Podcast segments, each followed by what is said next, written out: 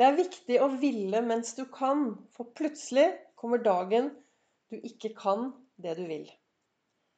Velkommen til Begeistringspodden. Det er luke nummer fire. Og dette er Vibeke Ols fra Ols Begeistring. Dersom det er første gangen du hører på Begeistringspodden, så anbefaler jeg deg å kanskje starte med episode nummer én. For der forklarer jeg litt mer hvem jeg er, grunnen til at jeg driver med dette, og hva jeg brenner for.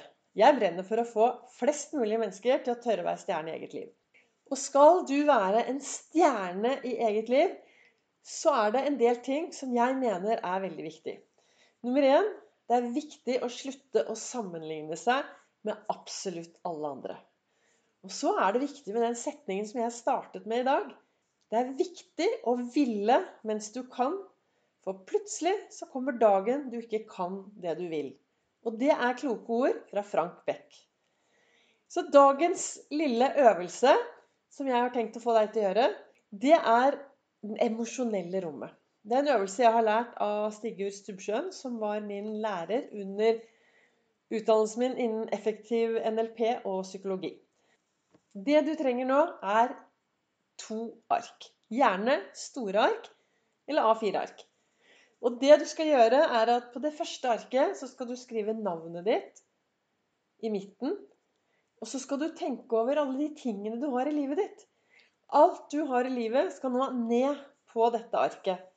Du står i midten, og så skal du putte tingene så nært inntil deg på de viktigste tingene. Og de uviktige tingene de putter du litt lenger ut. Med det mener jeg f.eks. du setter deg selv i midten. Kanskje du har mann, barn, kone, familie, da vil du kanskje sette de litt nært inntil deg. Så har du bil, kanskje du har trening, du har en jobb. Alle disse andre tingene. Du bor i et hus, kanskje du har en garasje, kanskje du har en TV, kanskje du har en mobil. Alle disse tingene du har. Bøker, klærne dine. Altså, sett deg ned og fyll dette arket med alt du kan tenke på som er i ditt liv. De tingene som er viktigst, de setter du helt så nærme som mulig. Og så graderer du utover. Altså de tingene som er ganske uviktige, men som du har, de setter du litt langt ytterst på dette arket. Så du bruker en stund på å fylle ut alle disse tingene på det første arket. Så stopper du opp. Og så hadde jeg anbefalt deg kanskje å riste litt, ta en pause, nullstille det. For så skal du finne et nytt ark.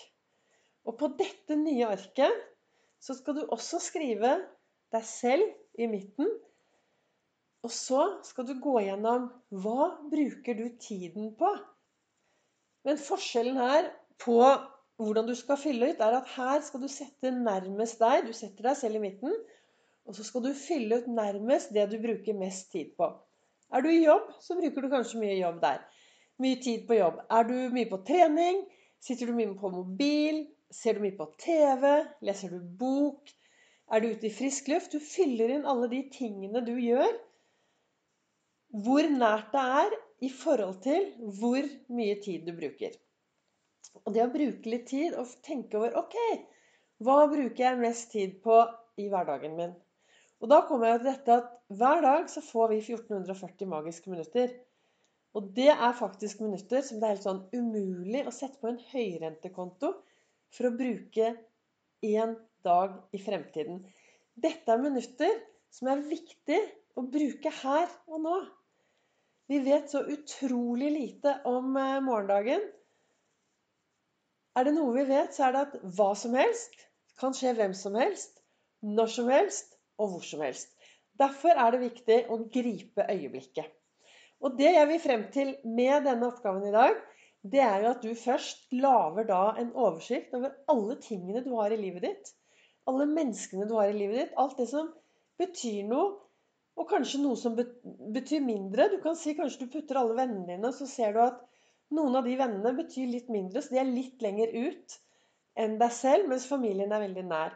Og når du ser det ene arket på den ene siden, så tar du en titt på det andre arket på den andre siden, hvor du skriver opp alt du bruker tid på, så kan det jo være interessant da, å begynne å sammenligne disse to arkene. Er det en balanse der? Og jeg er tilbake til det jeg har snakket om før, med at vi starter med bevissthet.